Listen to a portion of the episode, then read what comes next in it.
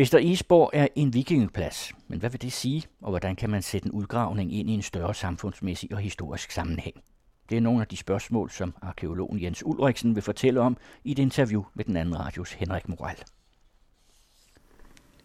Et af de områder, du interesserer dig meget for, det er Vester Egesborg. Hvor er vi henne geografisk? Vi er midt mellem Næstved og Vordingborg ved det inderste af Dybsø Fjord, som er en del af Karbæk Fjord-systemet. Så det er altså en kystplads. Det er også tæt på landvejen i virkeligheden mellem Næstved og Vordingborg, lige syd for Vester Isborg. Og der har vi gravet igennem en længere overrække. Fem sæsoner blev det faktisk til, fra midten af 90'erne og frem til 2009. Men allerede før det var pladsen opdaget af en lokal amatørarkeolog, Bent Fugl, som ledte efter flint i starten af 60'erne nede på de her lavtliggende marker tæt på stranden, og der fandt han så også pludselig en arabisk sølvmønt fra vikingetiden, en bronzenøgle og et, en fibel, altså et, et dragtsmykke fra ældre germansk jernalder også. Og det afleverede han til Nationalmuseet, og de kom så ned og lavede en prøvegravning på stedet og kunne se, at der var de her såkaldte gruppehuse. Navnet hensyder til, at det er en gruppe, altså et hul i jorden, man har gravet på sådan mellem 3, 4, 5 kvadratmeter op til nogle af 20 kvadratmeter kan de være. Og det er værkstedshytter typisk, især hvor man har vævet. Og dem fandt man i 1965 nogle af. Men dengang der gravede man i hånden, altså det vil sige, at søgegrøfterne blev simpelthen skovlet ved håndkraft. Og det betød altså, at arealerne, man gravede, var ret små. Så pladsen lå så hen, som ja, den var erkendt. Der var noget vikingetid på stedet. Men da jeg så skulle lave Ph.D. Øh, midt i 90'erne, der øh, kunne jeg godt tænke mig at bruge Vester Egesborg som et parallelt materiale til de pladser, jeg ellers havde undersøgt omkring Roskilde Fjord. Og der var vi så nede og begyndte at gå med et metaldetektor, og så kom der simpelthen rigtig mange fund i løbet af ganske få timer. Og så kunne vi godt se, at der var altså noget specielt på plads. Og det var på det tidspunkt, hvor Næstved Museum havde ansvaret for området. Så sammen med Næstved Museum har jeg så gravet fra 97 var vel første år, vi gravede dernede, og så nogle sæsoner, og så frem til 2009, der var den sidste, hvor vi har gravet en 2,5 hektar, og dengang med gravemaskinen, til at rømme over jorden af, og det vil sige, at man får overblikket og kan se, hvordan strukturen, altså hvordan ser pladsen ud, hvilke huse ligger der hvor, er der begravelser, er der veje osv., og vi kunne se, at der var en 118 gruppehuse, altså de her værkstedshytter, og så var der 23 træskibede langhuse, som ganske vist ikke er ret store, men de var der. Og så er der et meget stort fundmateriale. Dels noget, vi har fundet med metaldetektorer, mere end 600 genstande, hvoraf de 400 hører til i tiden fra 600 efter Kristi og frem til kort før 1000 efter Kristi, altså det vil sige yngre germansk jernalder og vikingetid. Og så er der et meget stort fundmateriale nede i gruppehusene. Altså de, er, de er nærmest sådan oldsagsfælder, de her øh, huller i jorden, hvor alt muligt affald fra omgivelserne er ind nede. Og det er både keramik og dyreknogler, rester af det, man har spist. Der er også rester af kronhjortak, som man har arbejdet på for at lave karme. Så i det hele taget, så er, er der et meget stort oldtidsmateriale. Glasperler for eksempel, er også noget, man har produceret på stedet. Der er over 100 glasperler, og det lyder måske ikke meget, men i forhold til vikingtidsbogpladser i det hele taget, så er det mange glasperler på sådan en plads. Så fundmaterialet er meget stort, meget omfattende, og kvalitetsmæssigt også på et højt niveau. Og hvis man skal sammenligne det kvalitetsniveau med andre pladser på Sjælland, jamen så er det sådan noget som Lejre, som er et kongesæde i perioden fra omkring ja, slutningen af 500-tallet og frem til slutningen af 900-tallet med også meget store huse, altså virkelig monumentale bygninger, hvad vi ikke har i Vester Egesborg, men med, ellers med et fundmateriale, der ligner Vester Egesborg temmelig meget. Så Vester Esborg fremstår på nuværende tidspunkt som sådan en mærkelig blanding af, af de her lidt almindelige kystnære anløbspladser, som er undersøgt adskillige steder i Danmark, og som normalt har en lille smule håndværk, et pænt fundmateriale, lidt gruppehuse, men ikke noget i større omfang. Det her det er en meget stor plads med et meget rigt fundmateriale, hvor der er mindelser både om noget stormandsgård, om noget markedsplads, og så de her helt almindelige små anløbspladser med fuldstændig normale funktioner omkring det at skulle sætte skibe i havet, altså vedligeholde skibe og være det sted, hvor de har ligget om vinteren, og derfra, hvor man har sejlet ud om foråret. Så det er en, en meget kompleks lokalitet, som jeg prøver at få lidt styr på, hvordan jeg egentlig skal sætte den ind i det kendte materiale, vi har i forvejen, men hvor der helt tydeligt er noget andet indlejret i den her plads også. Og hvad er så det, der gør den speciel? Det, jeg synes er specielt ved den, det er jo så fordi den tolkning, jeg lægger ind i den. Det specielle er, at den er så stor og funderi. Det vil sige, det er det, det, er det første. Det er sådan helt, det kan man tælle og, og se, at det er specielt. Men sådan som jeg opfatter pladsen på nuværende tidspunkt, efter at have siddet og skrevet om den nu her i lang tid, jamen det er, at den nok øh, mest af alt har fungeret som en togtplads. Altså det er et sted, hvor den lokale stormand, som har haft sin residens et eller andet sted i lokalområdet, vi ved ikke præcis hvor, det kan være oppe i Hammer, som ligger højt og med fri udsigt ud over Dybsøfjord.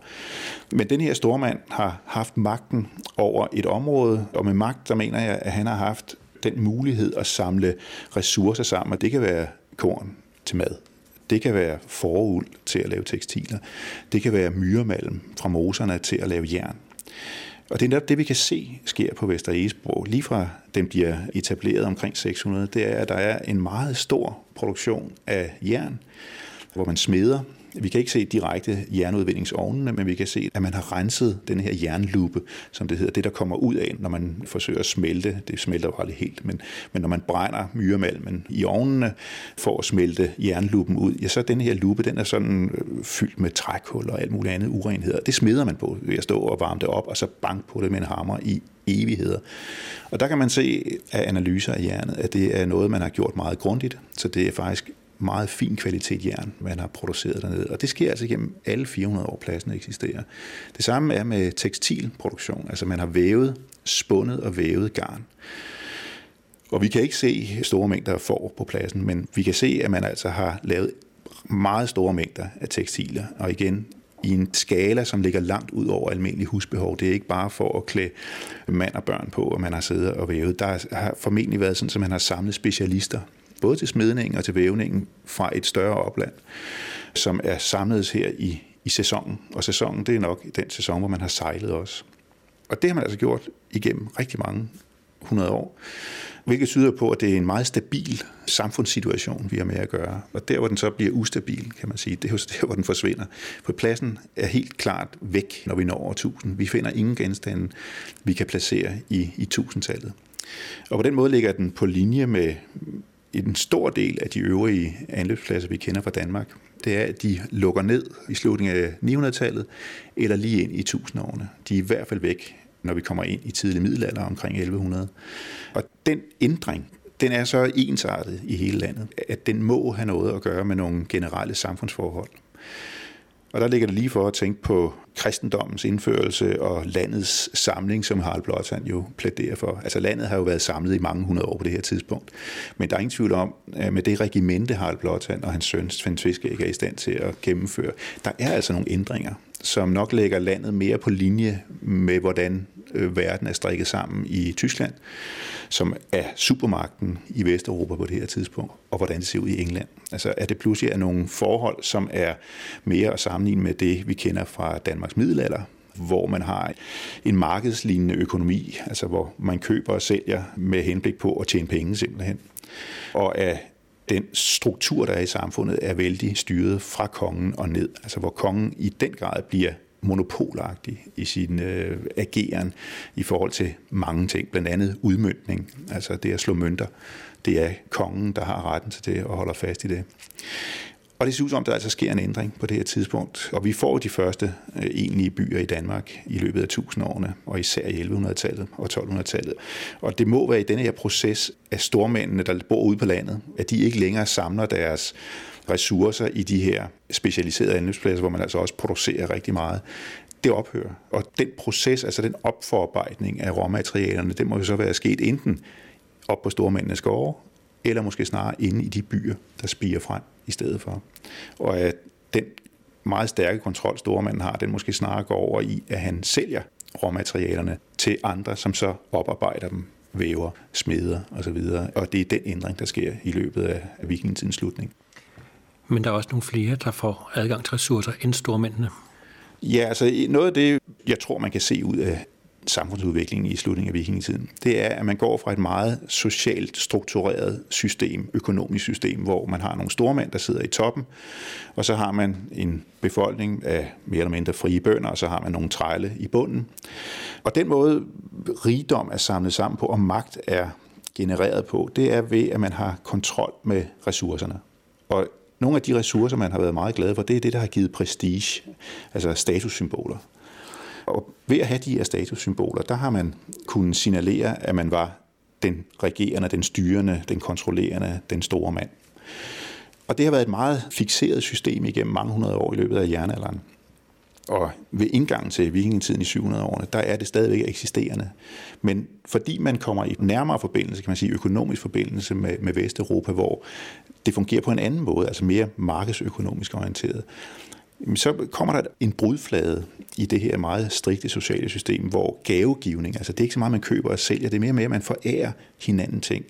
Stormanden, han får troskab og arbejdskraft og skatter og afgifter, kan man sige, fra sine undergivende, mens stormanden så på sin side skal sørge for at hjælpe dem, der giver ham de her ting. Altså han skal repræsentere dem på tinge. Han hjælper dem i en snæver vending formentlig, altså hvis det pludselig er problemer rent, også styrkemæssigt, altså er der nogen, der skal stille op og redde dem for et eller andet.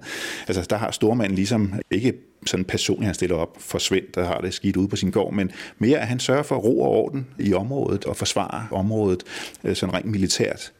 Og det der system, det er under pres i løbet af vikingetiden. Og en af grundene til, at det nok er under pres, kunne jeg forestille mig, det er fordi, at vi har alle de her togter, vi hører om i 800-tallet især, til Vesteuropa, men formentlig også i stor udstrækning til Østeuropa. Men de rigtig voldelige overfald, som vi kender fra de skriftlige kilder, det er jo Frankrig og England. Og der bliver udbetalt enorme mængder af sølv for at få dem til at rejse hjem igen. Og de der enorme mængder af sølv, de er selvfølgelig blevet fordelt til skibsmandskaberne, når de er nået hjem, for eksempel til Vester Egesborg. Og lige præcis de der store mængder sølv, som frie mænd pludselig får, uden at de egentlig har skulle have mere jord. For jorden er den afgørende økonomiske faktor i det her samfund. Men det her løse sølv, det giver dem egentlig adgang til jord. For hvis man kan forestille sig, at der kommer sådan en ung mand hjem med en stor pose sølv, og hjemme i bygden, der er altså en rig enke, eller i hvert fald en enke, der sidder på en gård. Og der har han altså kunne købe sig ind i den slægt, fordi han kommer med sølv, og så kan han altså komme ind og blive gift med den her kvinde, og dermed kan han så blive jordejer. Og det er det at eje jorden, der er det afgørende. Og når man kan det lige pludselig, så er det ikke længere kun slægten, og du arver eller gifter dig til. Det er altså, at du kommer i virkeligheden måske fra et lavere niveau, sådan socialt set men er kommet op, fordi du har tjent de her penge, vundet de her penge som pløndringsgods. Og så kan du altså komme ind på et andet socialt niveau. Og lige præcis det der, det tror jeg er med til at omstøde det her meget fixerede gavegivningssystem, hvor man er fuldstændig socialt låst i virkeligheden, til at det bliver et meget løsere system, hvor du altså har en mulighed for det, der i dag hedder social mobilitet. Altså du kan rykke dig op i samfundet. Du kan selvfølgelig også ryge ud, men man har i virkeligheden nu en anden mulighed, end man har haft tidligere. Hvordan ser man sådan noget her arkeologisk?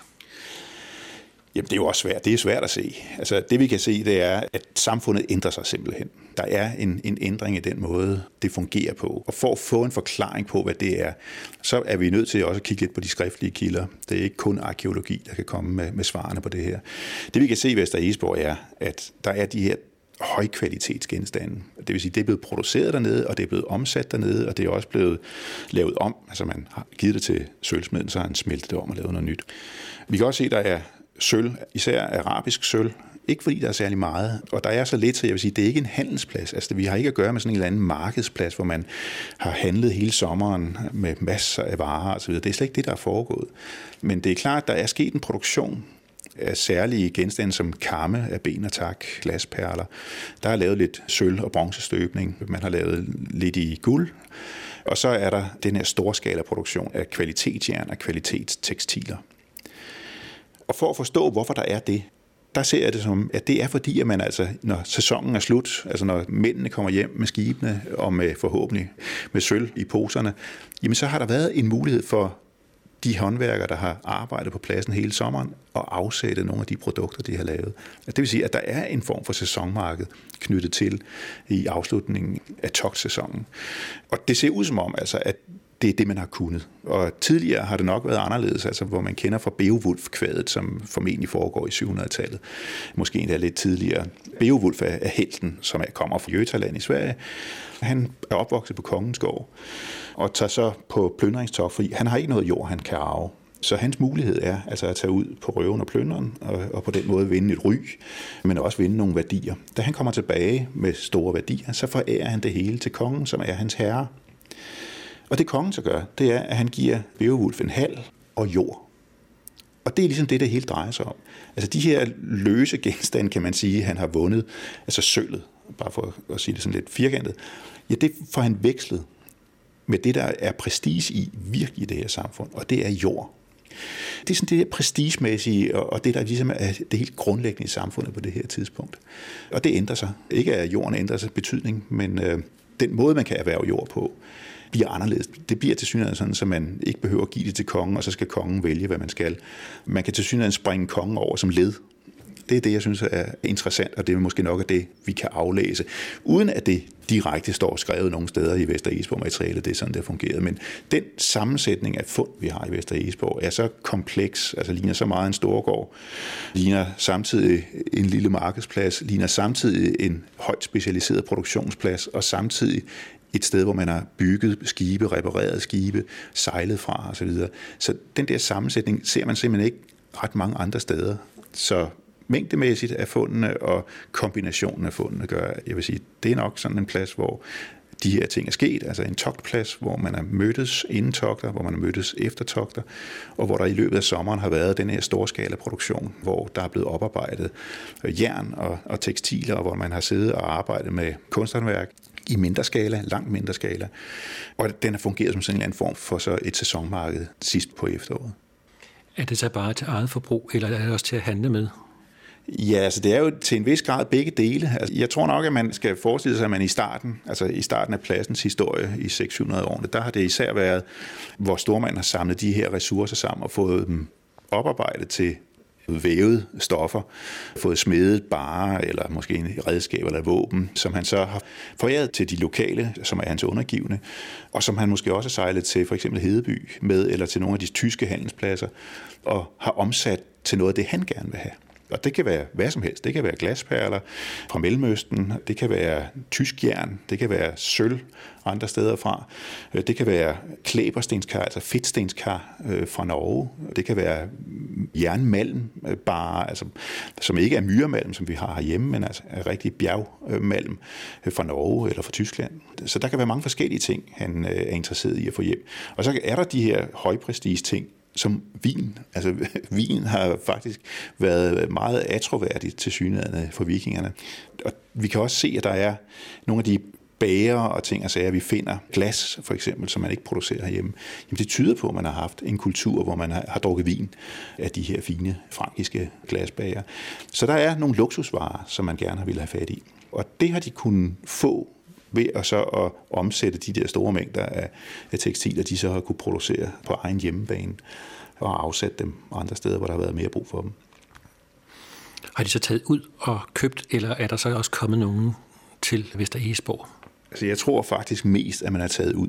Vester Egesborgs placering kunne sådan set godt du til en handelsplads, men adgangsvejen med skib derind er faktisk meget vanskelig. Altså, hvis ikke man er kendt dernede, så er det sådan lidt volapygte, hvis jeg begynder sådan at beskrive meget nøje, hvordan... Men hele fjordsystemet, både Karbæk Fjord og Dybse Fjord, er meget lavvandet. Og med meget lavvandet, så betyder det, at man kan vade rundt over store dele af fjorden. Man skal faktisk ikke vide, hvor man skal sejle, hvis man skal komme ind med et vikingeskib, der stikker en halv til en hel eller halvanden meter. Der er mange steder, hvor der er mindre end en meter vand derinde. Et vikingeskib er en enorm investering. Det er virkelig kostbart, så man har passet på dem. Man har ikke bare bullet ind og er stødt på grund, og så har man trukket sig selv fri igen. Det er altså noget, man har passet meget på, når man har sejlet. Og Dybsefjord er vanskelig at sejle i, fordi der er kun få steder, man kan komme ind, og Vester Esborg ligger helt inde allerbagerst i fjorden. Så det virker ikke som om, at det på den måde primært har været for at tiltrække udefra kommende. Snarere virker det som om, at Vester Isborg netop er blevet placeret ind i Dybsøfjord, fordi at det er så velbeskyttet en naturhavn.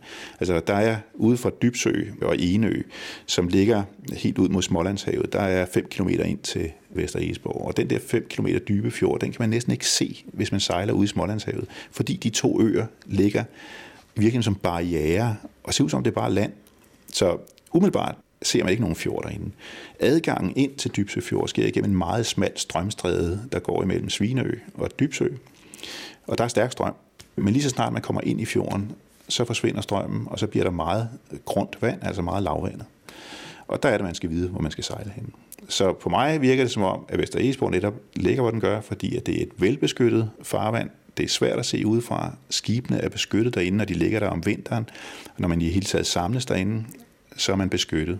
Og hvis man endelig bliver presset udefra, så er der en nødudgang, sådan i situationstegn.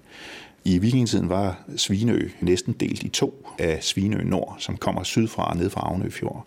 Og er lige ved at nå frem til Dybsø Fjord. Men der er få hundrede meter, hvor man har skulle trække skibene ind over en landzone, og så er man ude i en ny fjord og kan komme ud Øh, en anden vej og er fri af den egentlige udsejling. Så der er en bagudgang, og det er noget, der er karakteristisk for de her togtpladser.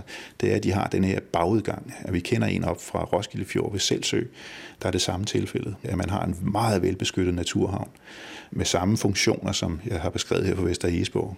Og der er altså også mulighed for at komme ud til Isefjord ved at trække skibene en kilometer eller halvanden over land. Så kommer man ud i et åsystem, hvor man kan trække dem igennem. Det er ikke noget, man har gjort for sjov, men det er en mulighed, man har haft for at komme fri. Jeg tror ikke, at det er, fordi man har tiltrukket købmænd udefra. Det er nok snarere, at man har sejlet ud med sine ting og har opsøgt de markeder, der har været. Både på den tyske nordkyst, nede i nærheden af Vismeier, der en stor handelsplads, og der er flere over mod det polske, og så er der Hedeby, som er sådan den klassiske, velkendte, meget store lokalitet, som den største og første by i Danmark. Og for eksempel Hedeby, der kunne man godt have fået de varer, som du har talt om. Der kan man få det hele, ja. Altså Hedeby er et sted, der ligger på grænsen imellem sakserne, som er tyskere, friser, som i dag er hollænder, men som var et meget øh, driftigt handelsfolk i denne her periode, og så slaverne, altså de slaviske lande, der i dag er Polen, men slaverne strakte sig faktisk helt over til Jyllands råd, og så danskerne. Så der er sådan fire folkeslag, der har boet i det grænseområde, og det er sådan meget karakteristisk for en succesrig handelsplads, det er, at den udnytter det der lidt i situationstegn kosmopolitiske, der kan ligge i det, at der er så mange folkeslag, som mødes, og som har følt sig trygge ved at mødes sådan et sted. De har følt, at de næsten var hjemme. Og det er nummer et, når man handler, det er, at man skal føle sig tryg som købmand. Det er også derfor, at Hedeby har haft en bevågenhed fra kongens side. Det er ham, der har anlagt den, og han har også haft en høvedsmand, altså en eller anden form for byfod, som har sørget for byen, altså både for forsvaret af den, men ikke mindst at opkræve afgifter, fordi det er det, det hele drejer sig om. Altså skatter og afgifter er ikke nogen ny idé. Det er noget, man har kendt til altid næsten, og især fra vikingetiden kan vi se, at skatter og afgifter betyder altså meget. Og det er også en af de elementer, der gør, at jeg tror, at hele den her meget stærke sociale kontrakt, der ellers har været tidligere økonomisk set, at den går i opløsning, fordi kongen behøver ikke længere de sociale kontrakter for at kontrollere indstrømningen af de her prestigegenstande, og han kan få mere økonomi ud af at opkræve afgifter på de her handelspladser. Så Hedeby er afgjort den største og vigtigste af handelspladserne i Sydskandinavien på det her tidspunkt. Og den lukrerer netop på at være sådan et bindeled imellem forskellige grupperinger, folkegrupper, og så er den knytter Østersøen sammen med Nordsøen, og hele den meget livlige handel, der er på Nordsøen imellem England, det frisiske område og det kan man sige, Tyskland-Frankrig, øh, det der kaldes Frankrig på det tidspunkt. Kan man sige, hvad det er for nogle forbindelser, som øh, Vester Egeborg så har haft, eller er det sådan mere, at der er de her muligheder? Kan man sige, at der har været en forbindelse til Hedeby for eksempel? Ja, det kan man sådan set godt sandsynliggøre. Det, jeg synes har været interessant ved at gennemgå hele materialet og, og ligesom at få det ordnet, det har været, at man kan se, at der i virkeligheden er forbindelser ud i alle kompasretninger. Og det er ikke kun sådan, som man ser, at Hedeby har været en meget vigtig partner. Altså, der er faktisk elementer, øh, nogle af glasperlerne, som kommer fra Mellemøsten. De er formentlig ikke kommet direkte fra Mellemøsten til Vester Esborg. De er kommet via nogle andre pladser. Og der er Hedeby en mulighed. Men der er også en plads, som jeg nævnte nede ved Vismar, som hedder Gros Strømkendorf i dag. I skriftlige kilder kalder man den Rerik. Der er de samme glasperler. Så det kan også have været derfra, at der er i virkeligheden kortere at sejle fra Vester Esborg ned til Gro Strømkendorf, end der er at sejle til Hedeby. Så det kan lige så godt have været der. Og når man ser på, hvad der ellers er i Vester Esborgs fundmateriale, så er der faktisk temmelig mange oldsager, der peger på forbindelser til Mellemsverige, altså op i Stockholmsområdet, som peger mod Finland, som peger mod de baltiske lande, og som især peger mod Sydøsteuropa, altså ned over Polen, Tjekkiet, ned mod det ungarske. Der er tydelige forbindelser også, og jeg vil næsten sige endnu mere tydelige end det, der er for Vesteuropa, eller i hvert fald lige så tydeligt som det, der er for Vesteuropa. Vi finder glasskår fra drikkeglas, og det er noget, der er blevet fremstillet ned omkring Rhinen. Der antager jeg, at det er noget, der er kommet igennem Hedeby. Men det er ikke sikkert. Vi kender også glasene fra sådan noget som Gros Men altså, de der sådan lidt vesteuropæiske ting, det er nok Hedeby vil jeg skyde på. Men vældig meget af det andet, det må altså være kommet fra de østeuropæiske eller det øst, de Østersø-område i stedet for. Så Vester Esborgs kontaktområde har altså været vidtfavnende. Man har faktisk også haft kontakt til Norge og Vestsverige, altså oppe i Jødeborg-området for eksempel. Det kan vi se ud fra jern og de her klæberstenskar, der som kommer fra de her områder. Og også væsesten af skifer, altså slibesten, er der i, i ret stort tal. Og det kommer også fra de områder. Så det er altså hele kompasrosen rundt, at man har haft forbindelser. Og det synes jeg er interessant, når min opfattelse er samtidig, at det ikke er en egentlig handelsplads. Altså det er ikke sådan, så netop som du også øh, selv har været inde på, om man er kommet udefra, altså købmændene er strømmet til og har faldbudt deres varer. Nej, det tror jeg ikke. Så det, der i virkeligheden må være sket, det er, at de mænd, der ligesom har samledes, at de må være kommet fra et stort område. Altså de togter, at de kan have trukket folk til fra store områder. Det er ikke fordi, at de har trukket dem til ned fra Tjekkiet. Det, det er det, jeg mener. Men man kunne sagtens forestille sig, at man har haft nære forbindelser til Mellemsverige. Vi ved i 800-tallet, at der havde man det med at flygte. Hvis man kom i, i bad standing i forhold til kongen, jamen så flygtede man fra Danmark til Sverige, og de svenske flygtede fra Sverige til Danmark og opholdt sig. Det er jo også, når vi kender op i, i middelalderen, øh, og senere for den sags skyld, at det er sådan, man gjorde. Og man kunne sagtens forestille sig, at netop den der udveksling af personer, af krigere, at det er noget, der er sket rundt om, om store dele af Østersøen og at man kan sige, at de skandinaviske vikingers interesse for, hvad der foregår på den sydlige Østersøområde, at det er noget, der har kastet de her genstande af sig, som kommer ned fra det ungarske, altså hvor man har de her naturlige forbindelser af flodvejene ned til Mellem-Europa, og at det er der, man så ligesom får de her genstande. Så det er ikke fordi, at man er personligt har været nødvendigvis i Bøhmen. Det kan man godt have været, men det er mere forbindelseslinjerne, som kan komme sådan trin for trin eller direkte, men det viser bare, at man har været lige så orienteret mod det østlige som det vestlige. Vi har en tendens til at koncentrere vikingerne omkring England, Frankrig, men det er lige så stor udstrækning den anden vej. Du beskriver det meget som et sted, hvor der er mænd. Har der ikke også været kvinder og børn? Jo, det har der. Masser af kvinder formentlig, fordi det er nok af dem, der har vævet. Alt tyder på, at det at væve og spænde tråd, at det har været en kvindeopgave. Så jo, der har været vældig mange kvinder på stedet. Og det kan vi også se, at der er jo kvindesmykker. Det er faktisk noget af det, der kendetegner de her specialiserede andelspladser, hvor der er spor efter vævning. Det er, at vi finder også kvindesmykkerne. Så jo, de har været der ja, er en diskussion, om det har været slaveinder, eller det har været frie kvinder, der bare har været meget dygtige og er blevet indkaldt af stormanden til at skulle lave det her arbejde for ham. Det er jo svært at vide. Altså, der kan sagtens være slaver involveret i det, men det kan også sagtens være kvinder, som har denne her ekspertise, altså at væve meget fin klæde af enten uld eller hør. Det har faktisk krævet stor erfaring. Og fra historisk tid ved vi, at man har samledes i sådan nogle grupper af kvinder, for eksempel i forbindelse med hørforarbejdning, som er en meget langvarig og omstændelig proces. Altså der har man simpelthen samlet for at gøre det nemmere for sig selv og hinanden. Så man har haft sådan nogle grupperinger, der så har arbejdet med det der i de her lange øh, ugevis for at få materialet klar. Og det kan man sagtens se for sig, det kan jeg i hvert fald, at det er det, der også er sket i Vester Isborg, at der i løbet af sommersæsonen, der har der været de her specialiserede væversker, som har spundet og vævet tøj til synligheden mest, ikke så meget sejl. I hvert fald ikke til de store skibe, måske sejl til mindre skibe, men ellers højt specialiseret topkvalitet materiale til langt mere end almindelig husholdningsforbrug.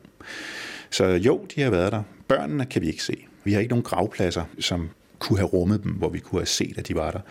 Børn er i det hele taget næsten usynlige i oldtiden. Det legetøj, man prøver at identificere. Det vil jeg sige, det er i bedste fald tvivlsomt, om det er legetøj, eller det kan lige så godt være alt muligt andet. Så nej, vi kan ikke se, at børnene har været til stede, men det kan de sagtens have været. Som sagt, så er der ikke nogen gravplads, der er knyttet til pladsen, i hvert fald ikke noget, vi har fundet. Og det tyder jo også på, at det netop er sæsonbetonet, at man er taget hjem til sig selv, når sæsonen er slut. Og hvis man er død på Vester Esborg, jamen så er der meget, der tyder på, at man altså ikke har været længere væk hjemmefra, end at man er blevet transporteret hjem. Eller man i hvert fald har gjort et eller andet, der gjorde, at man ikke er blevet begravet på stedet, men altså er blevet begravet et andet sted. Nu har du skrevet på det her lang tid, men hvad hvis man graver noget mere? Er der så mere at finde? Ja, det er der afgjort. Der er afgjort mere at finde. Altså, vi har gravet som sagt 2,5 hektar af pladsen. Og det var det, der var umiddelbart truet af dyrkning dengang vi begyndte. Det var den aftale, vi havde med Rigsantikvaren, som det hed på daværende tidspunkt i dag. Ville det være Slots- og Kulturstyrelsen, vi ville snakke med om det. Men det er jo privat jord, og man har ikke været så interesseret i, at vi skulle arbejde mere dernede, end det, der først var aftalt.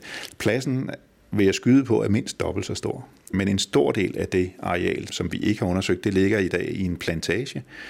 Og der er det altså ødelagt alt sammen. Den måde, man har plantet træer på, og det er tilbage i 60'erne, det var ved at vende jorden ned i en meters dybde eller sådan noget, så alt er smadret derinde. Men vi kan bare se med vores metaldetektorafsøgninger, der kan vi se, at fundene spreder sig ud på marken, der ligger i nærheden af det, vi har gravet. Og sådan som det spreder sig, så vil jeg sige, så er der en rigtig god grund til at tro, at pladsen har været dobbelt så stor som det, vi har nu. Så ud over plantagen, så vil der være adskillige hektar, man godt kunne grave nu og finde mere.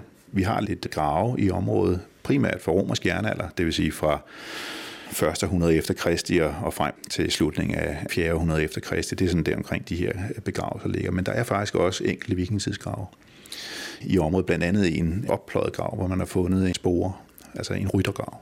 Og det er sådan noget, der peger opad i samfundet. Og det kunne godt være, at der var mere af den slags, hvis man ledte efter det.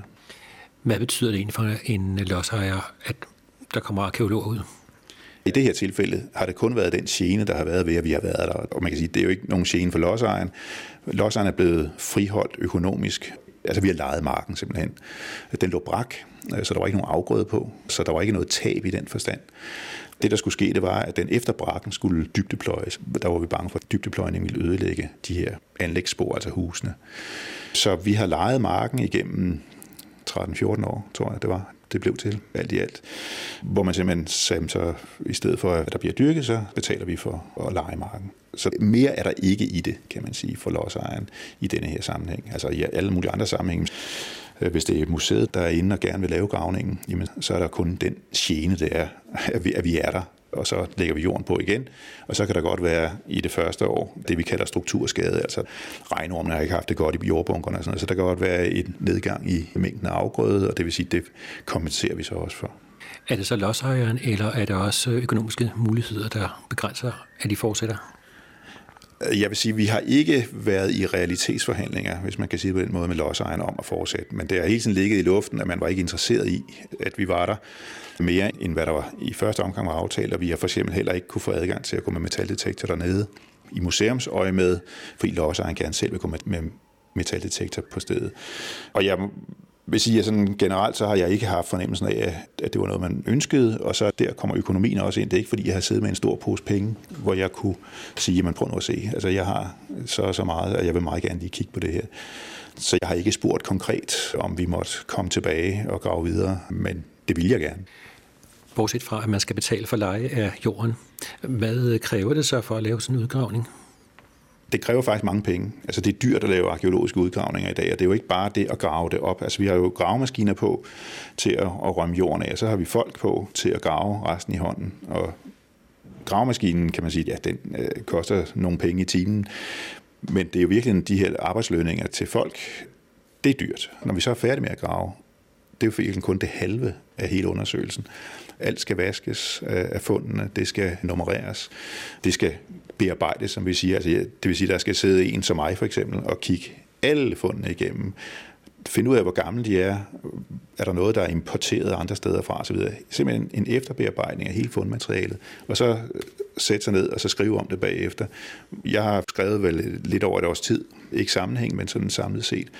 Det skal der også findes penge til. Så det er meget omkostningstungt at lave de her store arkeologiske udgravninger, hvis man gerne vil følge dem helt til dørs, hvor det ender med, at man skriver, som jeg nu gør her, en bog, eller måske bare en, en videnskabelig artikel.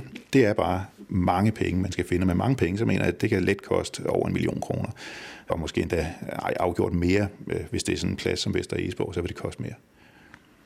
Men til gengæld så mener du også, det rykker på den forståelse, man har af historien. Ja, det synes jeg med Vester Egesborg er et rigtig godt eksempel på, at det faktisk flytter noget at lave de her omfattende og langvarige gravninger, som det endte med at blive.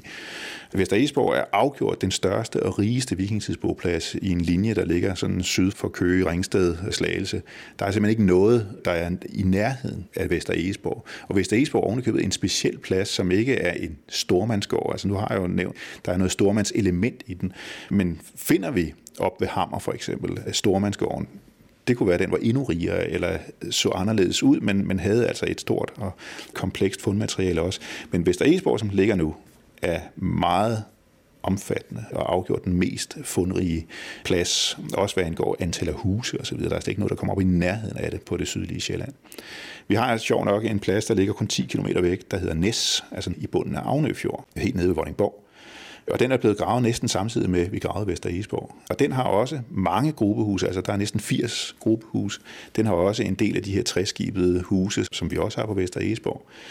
Og så på Næs, der er mere end 50 brønde, som har været brugt til at rødne hør. Altså, det er egentlig at rådne det. det. Det ligger og halvrådner. Det er en del af den her meget komplicerede forarbejdningsproces, som hør skal igennem for at blive til trådet og for at man kan væve det.